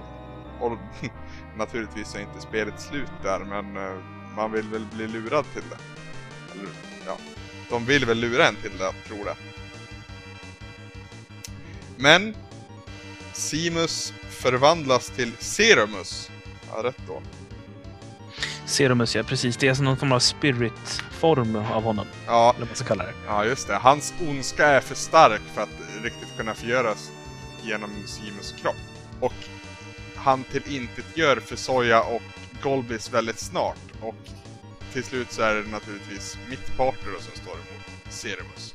Det vi får innan vi går in i striden det är en kristall från Fusoya som han säger åt mig att jag ska använda. Och här är jag alltså vid sista fighten i spelet. Det här är slutbossen och det är väldigt pampigt och häftigt. Uh, det första jag gör är naturligtvis att jag använder den här kristallen sa åt mig att använda. Och då får ju Ceremus visa sin verkliga form. Och jag vet inte vad man ska beskriva det som, men som en, en hink av äckelhet. Kan, är väl rätt bra beskrivet. Väldigt fult monster. Ja, alltså Serumus är ju eh, Semus liksom ondska. Mm. Som en slags väsen. Och med den här kristallen då så tar du den här ondskan och gör den fysisk så att du kan slåss mot den. Ja, precis. För om du attackerar innan så blir det bara miss hur den gör. Mm. Uh, den här ondskan har ju några elaka attacker alltså. Bland annat så har han ju ett svart hål som gör att all magi blir verklös. Dock så ska jag säga, jag, eh, första gången jag slåss mot den här Serumus i hans naturliga form, eller hans fysiska form, så åker jag på storfisk. för att han har en Big Bang-attack som tar eh, 1700 i skada. Uh, men jag kommer på ganska snart att jag kan kasta wall på Rydia som är min svagaste länk i det här. Och det här måste jag, det här är jag helt missat. Förra gången vi pratade om Final Fantasy pratade jag om en grotta där Rydia kommer ifrån. Uh, Land of Summoned Monsters var det mm. Den här grottan har jag ju faktiskt tagit mig igenom. Det var det första jag gjorde för att jag var så, jag var lite arg. och när jag hade liksom fått sova ut och köpt på mig lite items så tog mig igenom den här. Och det jag fick då dels, det var ju dels ett Defender-svärd åt Cecil. Som visade sig vara väldigt användbart. Eh, starkaste svärd jag stött på. I alla fall. Och eh, dessutom så får jag ju möta Asundra. Som är väl drottningen av den här Land of Summoned Monsters. Drottning, jag tror inte hennes titel är drottning, men hon är typ ledare. Ja. Det är hon som bestämmer. Mm. uh, jag vet inte hur man ska beskriva Asundra, men hon ser ju ut som en sån här uh, indisk gud av något slag. Uh, och det tar ju sin beskärda tid att besegra henne. Men jag lyckas på, på en hårsmån besegra henne och Alltså hon är inte ond utan hon vill bara testa min förmåga. Så att när vi har besegrat henne då får vi också möjligheten att kalla henne. Alltså Rydia kan kalla henne som ett väsen. Och det där Asundra alltså gör då vid såna här, när man har kallat henne, det är att de fyller på all hälsa på alla partymedlemmar. Och det här är ju extremt användbart just i slutstriden då. I och med att den, eh, Ceremus har den här attacken som tar så pass mycket på alla. Så tack vare den kallelsen och tack vare att jag kastar wall på Rydia så att inte all Alltså att han inte dör vid en attack så att säga, så lyckas jag faktiskt besegra Ceremus vid mitt andra försök. Jag gillar det här att du börjat använda statuseffekter. Wall menar du? Ja, alltså, jag minns att senast här så pratade vi om några som la Quake-attacker mot dig och, du, och jag tipsade om float. Ja, det var ju också väldigt användbart. Det var ju så Ja. jag tog mig igenom den här grottan bland annat. För där var det ju mycket Quake. Det var... eh, Jag vet inte vad fienderna kallas, men de kör Quake i princip hela tiden. Men då satt man så att eh, Rosa hade första tjing så att säga. Så länge det inte var något annat som bestämde. Och då kastade hon float på alla och då gick det ju skitbra. Mhm. Är- Man ska, alltså statusattacker verkar alltid meningslösa till en början, men ju längre in i spelet man kommer, desto viktigare blir de. Mhm, Jag har, en po- jag har en polare faktiskt som spelar, ja, det är främst Final Fantasy 7 och hans taktik bygger nästan enbart på statusmagier. Okej. Så han, eh, alltså han, har inte, han kastar inte mycket till magi i övrigt utan han kör liksom bara vanliga svärdshugg och förbannat mycket statusförändringar. Så att han liksom han vinner på att han är så jävla välskyddad och försämrar fiendens kvaliteter så mycket som han kan. Mm. Enda tragiska är att det oftast inte funkar så bra att lägga alltså, så att säga, negativa statstackar på en boss. Det brukar inte funka. Däremot upptäckte jag på vissa av fienderna, så här, zombies och skit, så kan Mm. man kasta hälsa på dem, då dör de. Ja, för fan. De är ju Det de är visste jag odöda. inte alls. Jag, jag kände mig så jävla grym när jag upptäckte det. Hur upptäckte du det förresten? jag vet inte, jag fick för för att jag tror jag kom åt fel knapp så att jag kunde. Eh, så att jag hamnade med pekaren på den här zombien och så bara Kan jag he- hela den här tänkte jag för mig själv. Ja, jag prövar väl då. Och så dog han. och det kändes som att jag hade löst all världens mysterium. Det är ett ypperligt sätt att levla i Final Fantasy 13. Nej, 12 menar jag. Okej. Där finns det nämligen en, eh, en grotta där det spanar för jävla mycket eh, odöda fladdermöss. Alltså såhär vampyrfladdermöss. Ja. Och om du då har Kuraga som är liksom en massiv jättekjor som kommer på alla som är i rummet. Mm. Så bara sätter du den på att automatiskt skicka Kuraga så fort det finns en fiende som är odöd i närheten. Så behöver du typ bara stå still mitt i rummet och så bara dör typ 120 fiender runt omkring dig för de spanar hela tiden också. Final Fantasy 12 var det alltså. Ja, det är en Ja. ganska lång bit in då. Men, Ja, men det var alltså det, det, det sista på Playstation 2. ja, precis. Ja, kommer väl dit så småningom också. Som sagt, jag får ju koll på Ceremus. Han dör och eh, allting är avklarat. Jag har lyckats klara Final Fantasy 4. Tjoho! Applåd till mig. och hela den här slutfilmen spelas upp då. Eh, vad kan vi säga lite? Golbliss, han återvänder ju aldrig till jorden utan han följer med Fusoya till The Lunarians och vill, vill bo med dem. På den här planeten som vi inte vet vart den finns. Riktigt. Uh, Cecil blir kung i Golbliss ställe. Uh, Kane, han går väl ut på någon typ av spirituell resa. Han eh, vet inte riktigt vart han är hemma någonstans. Han har ju lite personlighetskris kan man väl säga efter att ha varit kontrollerad av Golblis och Semus så pass länge då. Och givetvis gifter sig Cecil med, med Rosa också. Allting avslutas med ett väldigt gulligt bröllop och allting är frid och fröjd. De här Pallom och Pollom dyker ju upp igen också. De har ju också överlevt. visar det sig. Det, det visste jag inte men ja, det var ju kul. Jag har helt glömt bort att det händer. Ja, alltså innan, innan slutstriden med, med Ceremus så får man ju se liksom alla som ber till en hemma på jorden. Och även i fighting-sekvensen så ser man innan det hela drar igång att folk dyker upp och de fyller på olika hälsa, de fyller på olika magi åt mig. Och då är det ju framförallt en gubbe som dyker upp igen. Det är lite Star Wars-känsla där, men Tella dyker upp lite snabbt. Och jag blir alldeles varm i kroppen. jag, saknar, jag har ju saknat Hella ända sedan han försvann, men han försvinner ju ändå relativt tidigt ska man väl säga. Eller ja, halva spelet i alla fall kan man uppskatta. Så, ja. Jag vet inte vad man ska säga. Eh, det, du har ju äntligen avslutat din, din eh, första episka resa Mm. Eh, i, i rollspelsvärlden. För det, det är väl det första Japan, japanska rollspelet du spelar igenom ordentligt va? Nej, Super Mario RPG går väl in under den också. Ja, det är ju ett gränsfall, men okej. Alltså, jag... Jag tycker inte att Super Mario RPG är så jätteannorlunda. Visst, det är en helt annan typ av berättelse och en helt annan miljö, men själva Nej, alltså- grundkärnan är ju ändå densamma. Jo, jo, det, det, alltså, grundkärnan kommer också vara densamma i, i de flesta rollspelen. Mm. De, de är väldigt lika varandra på den punkten. Det som däremot särskiljer dem från varandra är ju just historierna. Mm. Och ja, Super Mario RPG är ju en trevlig sak, men det är ju inte någonting där du sitter såhär, åh, hur ska det gå? Vad händer? Det är en väldigt lättsam berättelse. Ja, det, det är Men det mycket... är, det är också mer- charmen med det hela tycker jag. Det var ju Jo. perfekt. Det var ju det första jag spelade under Retroresan.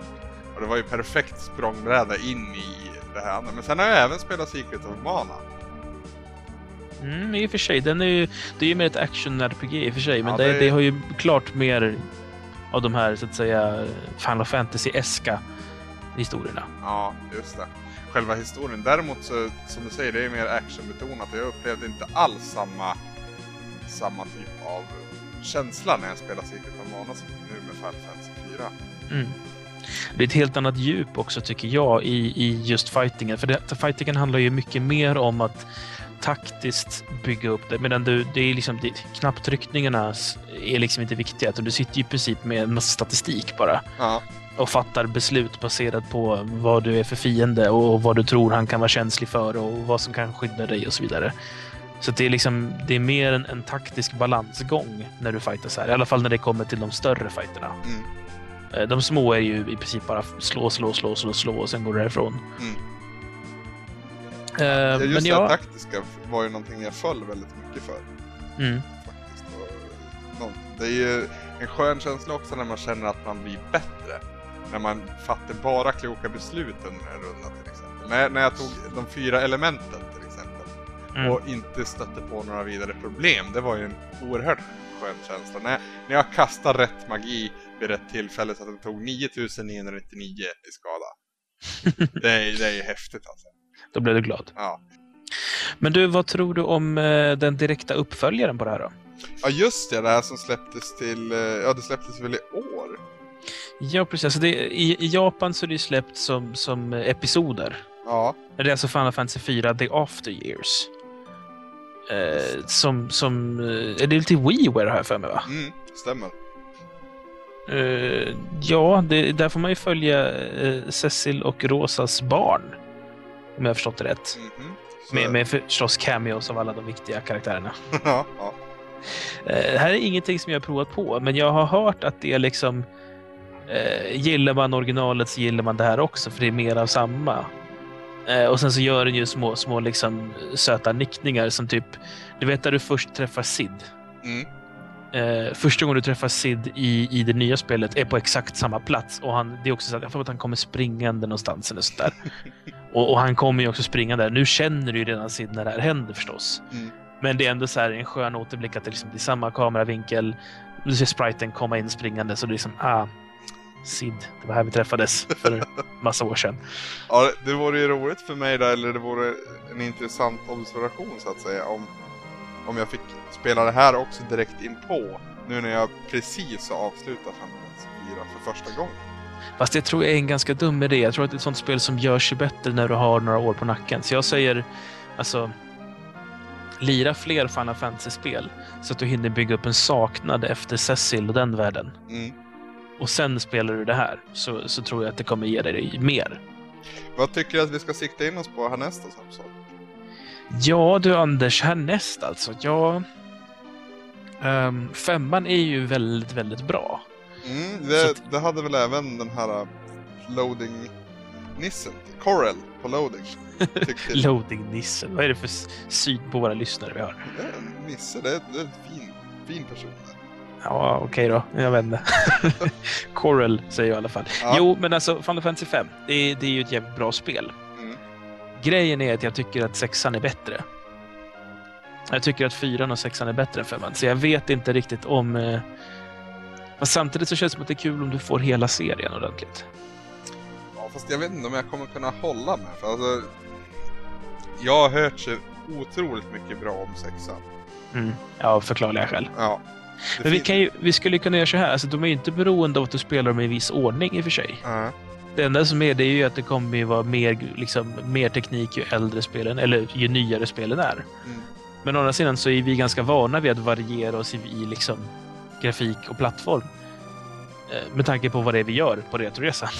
Ja, ja men alltså, sen, det måste jag flika in också om Final Fantasy 4 igen. Alltså, vi har ju varit noga med att säga att det inte har toppklass på grafik och, och ren prestation så att säga. Eh, men jag tycker att det är en enormt fin helhetsbild som de visar ändå i Final Fantasy 4. Och när jag sa det här till min gode vän då, som, ja, han har väl lagt ungefär 1000 timmar på Final Fantasy 7. så, så, så då, ska, då skulle i alla fall hålla i hatten när jag startar upp Final Fantasy 6. Så det har ju gjort mig väldigt, väldigt sporrad nu. Jo, alltså Final Fantasy 6, det är ju också, där har ju Square kommit ikapp med tekniken. Mm. För, det, för fyran här då, den är ju inte något vasst kort tekniskt sett för, om man jämför med andra SNES-spel. Ja. Medan Final Fantasy 6 är ruskigt snyggt. Så att presentationsmässigt så, så är det liksom, det är inte så här snyggt för att vara ett JRPG, utan nu är det snyggt. Så att, eh, ja. Ska vi säga som så att typ ikväll börjar jag spela Final Fantasy 6? Det tycker jag låter som en bra idé. Fan vad kul, då fortsätter det här också då. Ja, då fortsätter vi med sagostunden i Retroresan. Och som jag sa tidigare, om ni har synpunkter och åsikter på hur det här kan förbättras så är ni mer än välkomna att lämna en kommentar och, och ge förslag på hur, hur mitt berättande om min resa ska gå till så att säga.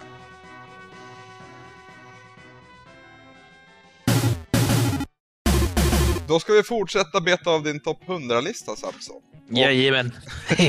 nu, nu är det kalas. Nu får du prata om spel igen. Ja, gud vad skönt.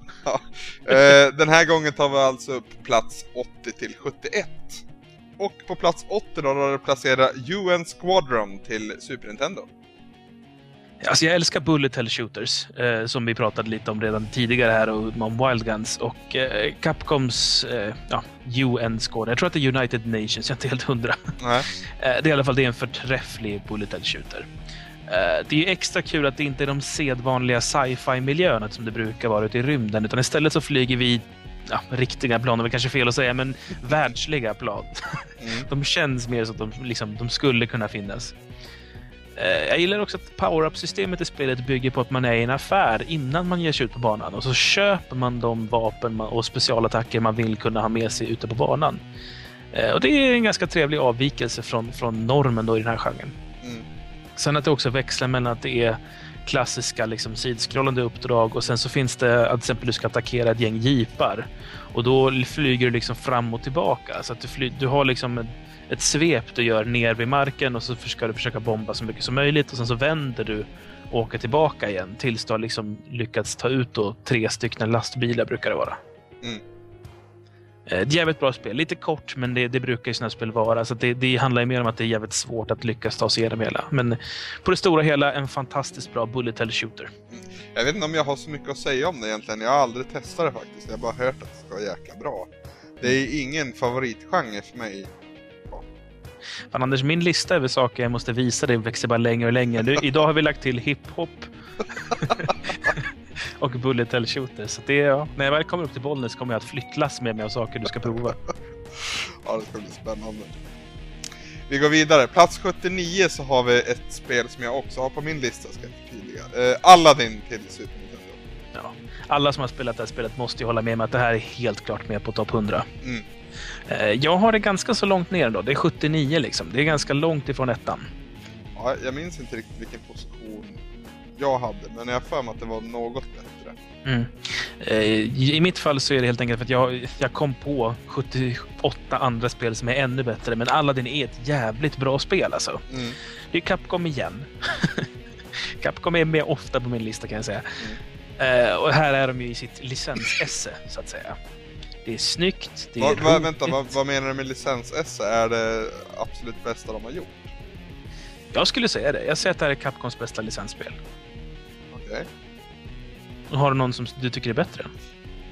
Vi återkommer till det. Eh, Okej, jag ska vara ärlig och säga att ja, det kommer mer. Jag ville bara inte avslöja det. Men Capcom är väldigt, väldigt bra. De är helt klart i toppklass när det kommer till Aladdin. Aladdin är ju bättre än de flesta licensspel som Capcom har gjort. Mm. Och även andra företag också för den del. Det är ju bättre än Lejonkungen som vi har pratat om här. Bättre än Djungelboken och så vidare.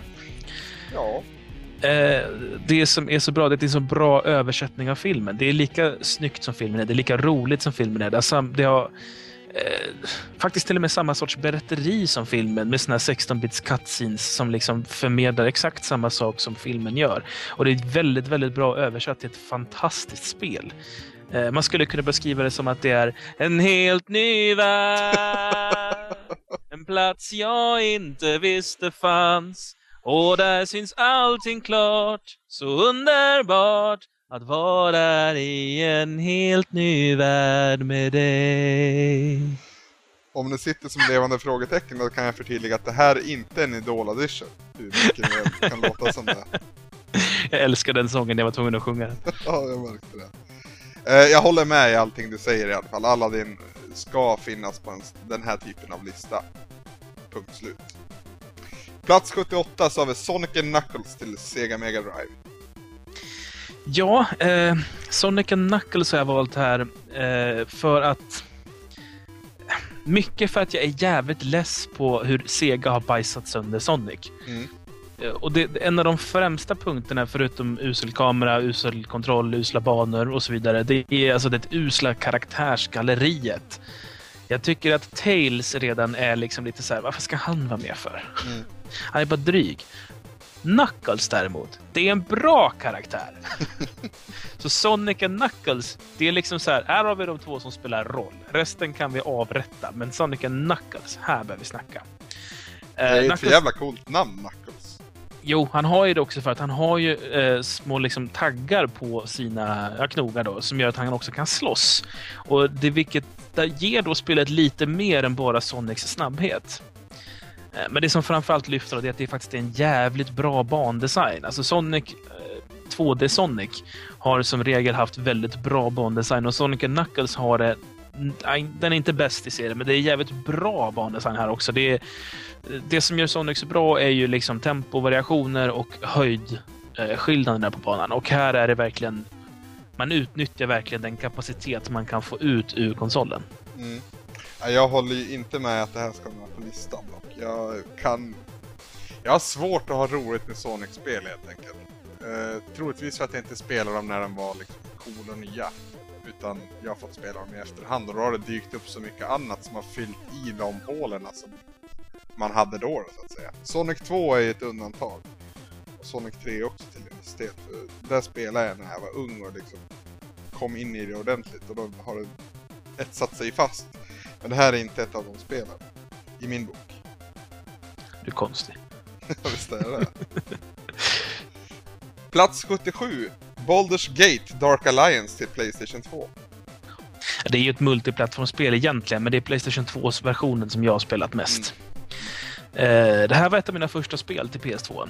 Mm. Eh, och jag minns fortfarande idag hur imponerad jag var över grafiken. Och det blir jag fortfarande när jag spelar det här spelet. Alltså vatteneffekterna och isgrottorna framförallt är så jävla snygga. Alltså, det är helt sjukt. Alltså, egentligen så är det, det är liksom, det är en helt okej hack and slash historia. Eh, det är inte något jättespännande spel, men presentationen är så enorm. Så jag tappade hakan direkt när jag spelade, blev kär i spelet och den känslan är fortfarande med mig. Eh, Trots liksom att vi är ett generationsskifte därifrån.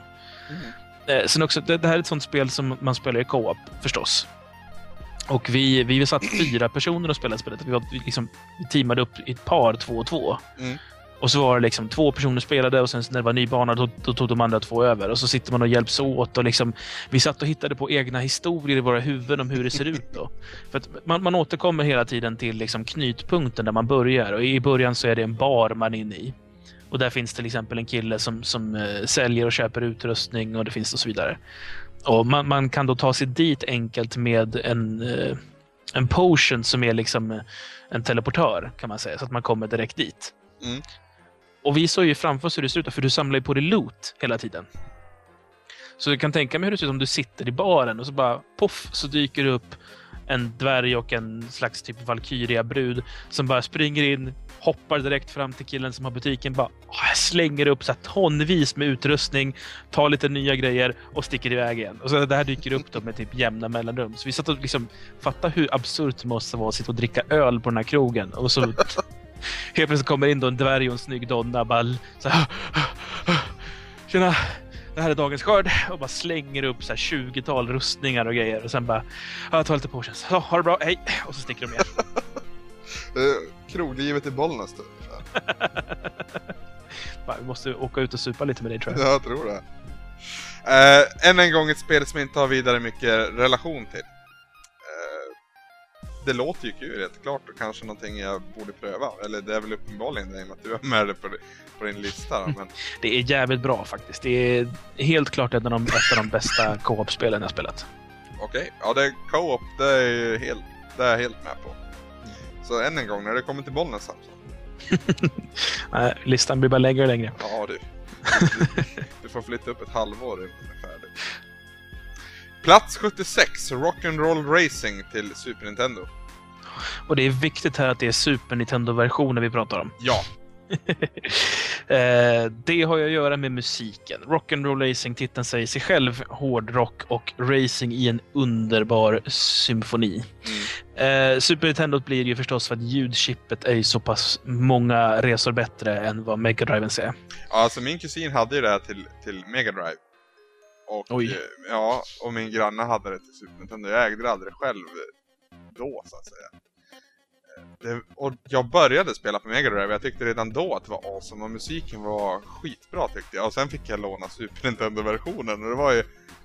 Jag kunde inte förstå hur det kunde låta så mycket bättre. Det var som att få sin hörapparat tror jag. Ja, lite grann. Eller som att, som att ett lock släpper för örat. ungefär. Ja. ja, det är ju Silicon and Synapse som kom att bli Blizzard senare som gjorde spelet. Och det är alltså det är en Pro, alltså Race Pro-Am-klon. Eh, men den har ju mer attityd och den har ju framförallt hårdrocken. Hörru du Samson, nu, är det, nu ska jag, jag konfrontera dig lite här. Mhm. Under min topp 100-lista så var du väldigt tydlig med att säga att RC Pro Am var bättre än Rock'n'Roll Racing. Ja, och det stämmer. Nej. Jo, Pro-Am är ett bättre spel än Rock'n'Roll Racing på alla gameplay-punkter. Det är ett mer komplett spel, eh, det har mycket bättre upplägg och det är mycket mer intressanta power-ups, det är ett bättre system på alla sätt och vis. Men! Jag är tyvärr tvungen att vika mig för Rock'n'Roll Racing vinner med en liten hårsmån. Och det är ju för musiken och stilen. För Det Pro-Am är ju ett väldigt bättre steril. spel också. Helheten är ju Ja, ja, jag vet inte. Det är väldigt, väldigt tight, måste jag säga. Men ja, jag får väl vika mig i det här läget då. Kan väl kortfattat att säga att jag påverkade din lista där. Jag tror att du gjorde det i slutändan, ja. Vad skönt det känns. Eh, sen så måste jag också fråga. Eh, vad hände med Playstation-uppföljaren som skulle bli hårdrockarnas svar på Wipeout? Ja, det vill jag också ha reda på. Ja, för det, det är ett spel som jag fortfarande väntar på. Ja. Det är mitt Duke Nukem. Jag, jag gjorde ju mitt eget Rock'n'Roll Racing i och med vad heter Excite Track, när man kan lägga ett eget soundtrack. Ah, ja, det är lite kul. Men det är, nah, det var inte riktigt samma sak. Nej, verkligen inte. Men det var så nära jag kunde komma där i alla fall. Eh, vi tänkte faktiskt ta en musikpaus nu. Låta Samson andas lite grann. Uh, och så ska vi ta lite musik då från ett av spelen vi har pratat om. Eller ett av de här tio spelen Samson pratar om denna vecka. Och det passar väl jättebra att ta ett spår från Rock'n'Roll Racing. Och då är det framförallt ett spår som jag känner förknippar. Det här, det här var alltså första gången jag hörde den här låten. Det är Highway Star med Deep Purple vi pratar om. Från skivan Machine Head som är bland de mest kompletta rockskivor jag har hört i alla fall. Och låten i fråga innehåller två väldigt, väldigt snygga solon och översätts jäkligt bra i midi-format. Tyvärr får vi inte höra gitarrsolot här utan bara det första elorgelsolot. Men eh, midi-rock på ingång, varsågoda.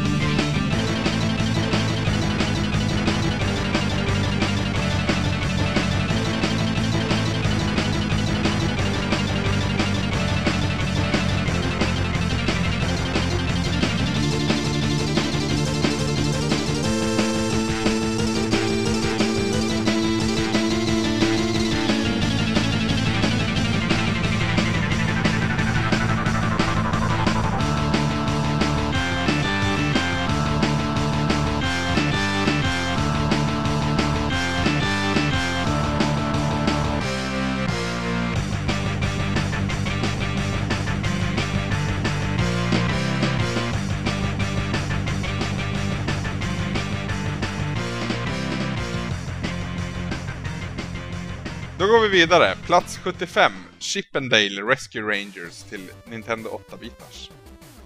Jo, du frågade mig eh, alldeles nyss här om licensspel. Ja. Här är de ju snäppet vassare ändå. Ja, det var, det var där som, ja, det var där jag skulle vänta med att säga, för det här är ju också Capcom för att vara Jo. Eh, Capcom med en... Eh, vad är det de heter? Uh, Piff och Puff. med en Piff och Puff-licens då. Rest, Räddningspatrullen. Jag ska inte sjunga den låten, jag lovar. Plattform är ju bäst, det vet ju alla. Och co-op är ju det bästa man kan göra utöver plattform. Och här har Capcom satt ihop ett fantastiskt stycke co-op-plattformspel. Och ja, licensen är hanterad perfekt. Allting känns precis som att det passar in i serien. Och det är ett jävligt bra gameplay. Och det är så jävla kul också att det, det är liksom verklighetstrogna-ish miljöer. Fast, fast du är liksom en liten ekorre, så du är ju inte mer än två äpplen hög. Nej. Så typ så här en... Vad är det? Ett handfat. Man är inne på en restaurang vid ett tillfälle där det finns en massa olika så här, du vet, diskhon. Mm. Diskhoer, jag vet inte hur man säger. Eh, och de är gigantiska. Det är ju en hel swimmingpool. Mm. Men, men som för oss som spelar så är det ju kul att se att så här, ah, kolla de är i ett kök och så går du på spisen och måste akta dig för gasen. Och så här, ah, det är skitkul. Det är lite lätt. Det är lite kort och lite lätt, men det är ett jävligt roligt spel. Framförallt i co-op. Det är ju roligt även ensam, men det blir ju så mycket roligare när det, när det har en, någonting, någon att dela det med, så att säga. Oh ja. Eh, också en liten anmärkning att power-upen man kan få när den här myggan dyker in och spöar allting på hela skärmen är en väldigt skön power-up. Just Vad hette han? Var det Zipper eller något sånt där? Ja, någonting i den stilen. Jag kommer inte ihåg. Det var jävligt länge sedan man såg den här serien. Ja, det var Pärlan var hon som, som var mekanikern. Mm, och så Oscar heter den här. Oscar som gillar ost! och så Zipper och Piff och Puff. Ja, det var nog så. Och en fantastisk, episk introlåt. Jag lovar att inte sjunga, så det blir inget. Plats 74. Flashback till Super Nintendo. Jag pratade om Fade to Black tidigare. Mm.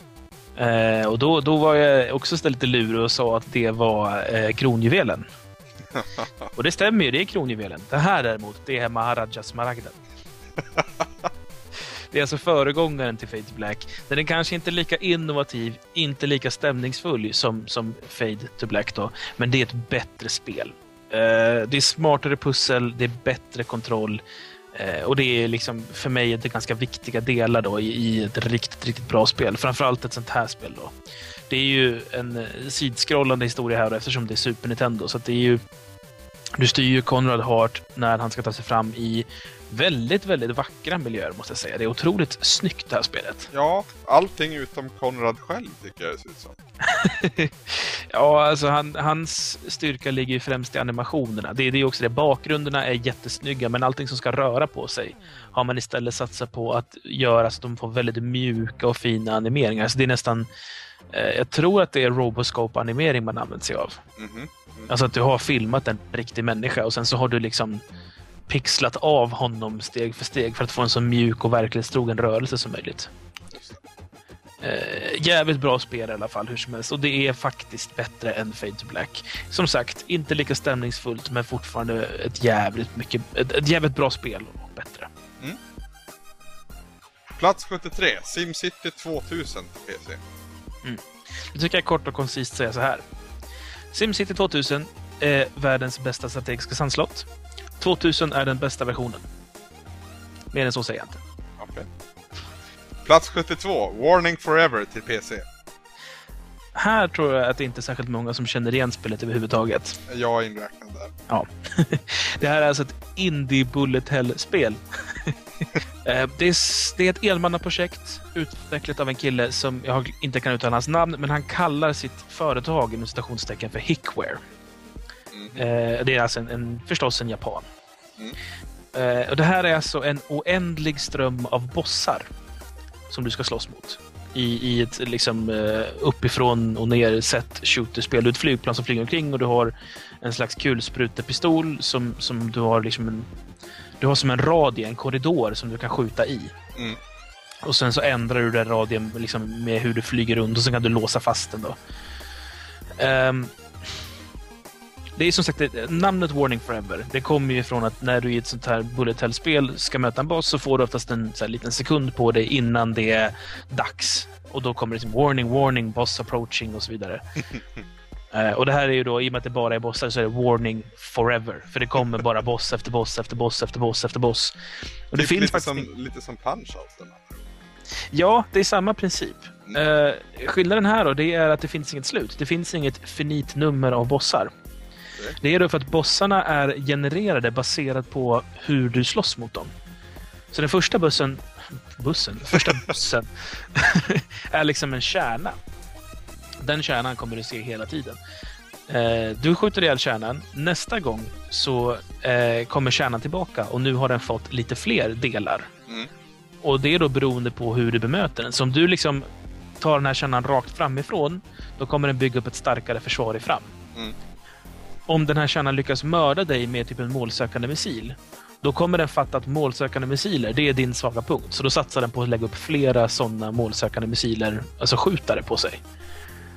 Så den här kärnan växer sig större och större och större hela tiden och blir svårare och svårare och den blir mer och mer avancerad. Den får mer sorters vapen och fler av dem förstås.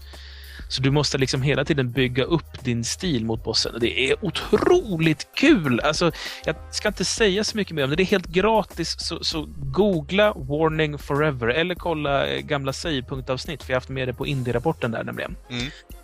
Eh, Det är ett litet gratisspel. Det är inget grafiskt mästerverk, det är inget ljudmässigt mästerverk. Det finns ingen story överhuvudtaget. Men det är liksom ett, det är ett Formel 1 av Bullet Hells. Låter Det är liksom så rent och, och man har skalat bort allt som inte behöver vara där. Eh, och det, det är bara så jävla roligt. Fan, tanka hem och spela det. Det är gratis för guds skull människa.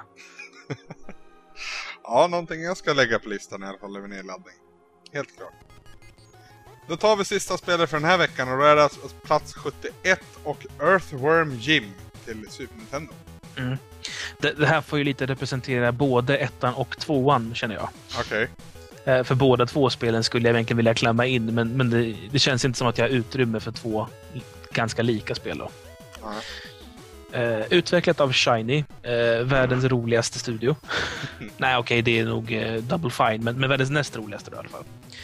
Eh, deras plattformshjälte då är kanske ingen Mario eller en Sonic för den delen, men eh, Earthworm Jim har ändå sin egen nisch. Eh, och man ska inte jämföra honom med, mot så här svagare maskotar som Bubsy eller Sparkster eller Zool eller någon av de här, utan eh, det, det, är liksom, det finns lite mer kärlek i Earthworm Jim än vad det finns i dem på något vis. Eh, spelets stora styrka ligger ju i den absurda humorn.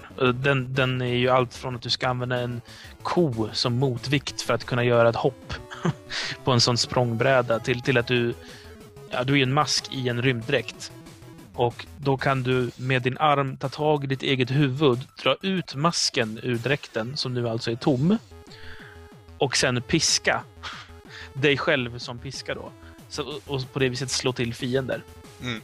Eh, Du kan också förstås då använda den här piskan till att till exempel svinga dig fram genom krokar i taket och liknande. Eh, Och, ja, som sagt, det, den här formen av absurda saker är det som gör spelet roligt. Men utöver att du sitter och skrattar åt alla bizarra, roliga och, och eh, kul inslag så är det jävligt bra gameplay här under. Och det, det glömmer man ofta bort, men det är ett för jävla bra spel också. Eh, Kontrollen är kanske inte helt perfekt. Bandesignen är inte helt perfekt heller, men det funkar jävligt bra. Och, och du har ju den här pistolen du använder och det är faktiskt en ganska skön grej att ha i det här spelet. Istället för Marios hoppande eller Sonics rullande så får du faktiskt skjuta lite här. Och jävligt bra gjort och jag tror att det här kan vara, eh, om man tänker åtminstone för den här perioden, ett av de absolut bästa västerländska plattformsspelen. Jag håller ju absolut inte med sig. Det här Oj. spelar jag under, under bloggform Retoresan och gav det 7 av 10. Det är ju rätt bra betyg ändå, men jag håller absolut inte med om att det är ett bra gameplay och kontrollen hade jag svårt att acceptera. Och det är lite MDK-känsla över det här också, eller ja, det, det här är ju före MDK. Men just att det är roligt att liksom se den här uh, bizarra humorn och allt det här, men själva spelandet hittar inte jag så mycket glädje i. Faktiskt. Jag tycker inte att Earthworm Jim heller är någon vidare karaktär egentligen. Det är, det är sjukt och det är bisarrt och allt det där, men så pass roligt är det ju inte egentligen. Jag tror att du spelar spelet för sent helt enkelt. Ja, det är jag tror att det, det är, I mitt fall så är det mest retroglasögon, men de sitter ju där av en anledning. Jag, Ja. hade, jag hade ju god smak redan på den tiden, så att säga. Eh, så jag, jag tror att du har kommit in för sent. Det, idag kanske inte håller måttet. Nej, han var väl, han var väl roligare på 90-talet helt enkelt. Ja, det också. Humorn har ju fallit ur. Det här, den här typen av grejer är ju inte lika här, skratta som fan roligt som det, var när det kom. det känns som Cartoon Network bara. Det, nej. Får tänka att det här kom innan liksom allt det här. Det här är ju innan eh, Cartoon Network, innan South Park och innan alla de här andra sakerna som har en, en liknande men mer utvecklad humor. ja, jag, ska inte, jag ska inte dra några fler ursäkter åt spelet. Jag tycker att det är ett fantastiskt bra spel. Mm. Eh, och sätter det på plats nummer 71 just därför. Ja, jag tycker inte att det är så fantastiskt. Och med den kontroversen så avslutar vi listan för den här veckan. Och gå vidare på vilket spel vi ska spela härnäst. Ja du Samson, det börjar bli dags att ta ett spel som våra lyssnare har tipsat om tycker jag. Vi har kört lite eget nu ett bra tag, så vi har kollat igenom vilka tips vi har fått och vi har rannsakat oss själva, vi har rådfrågat varandra och vi har kommit fram till Zombies Ate My Neighbors till Super Nintendo. Ja, spelet är utvecklat av LucasArts, eh, men utgivet av Konami. Väldigt märklig historia. Ja, verkligen. Eh, släpptes 93 i eh, USA då och strax efter då i januari 94 eh, för oss europeer. I spelet så får vi följa Zeke och Julie vars då bostadsområde har blivit invaderat av zombies och en drös med andra klassiska filmmonster. Eh, uppdraget är då att befria sina grannar och förstås då ta koll på så många monster som det bara går i en ganska våldsam och slaktig historia. Mm. Det här spelet har ju också sin egen kontrovers. Då. Det censurerades ganska så rejält på Super Nintendo. Eh, för Nintendo var ju ganska petiga på det här med blod och våld. Eh, så blodet fick göras lila och var istället någon form av slem. Eh, Smart hur man löser saker. I vissa europeiska länder så gick de till och med ännu hårdare åt.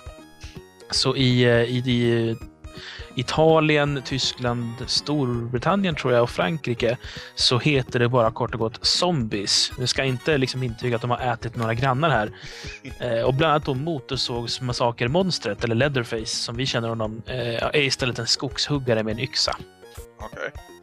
Ja, utöver kontroverserna då så är ju spelet en eh, ovanifrån sett typ shooter fast också ett samlingsspel uppdelat i nivåer då. Mm. Och det är ju, hela spelet är ju en stor hyllning till B-skräckisar som Hammer Tongs-filmerna och Zombies-filmer förstås. Ja, eh, jag som precis igår spelade väldigt mycket Left 4 Dead 2. Det, det faller ju sig naturligt att fortsätta här nu eller?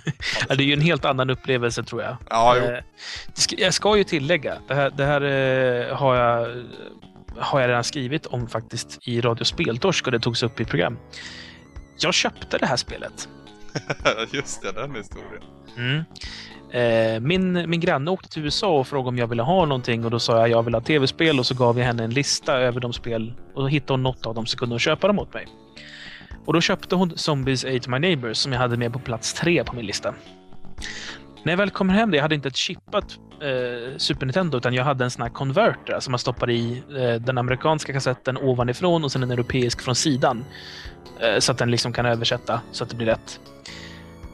Jag kopplar in det och jag möts av en text som säger för att spela detta spel ska du stoppa det i en NTSC-konsol. Och jag sitter på en PAL-konsol eftersom jag är europé.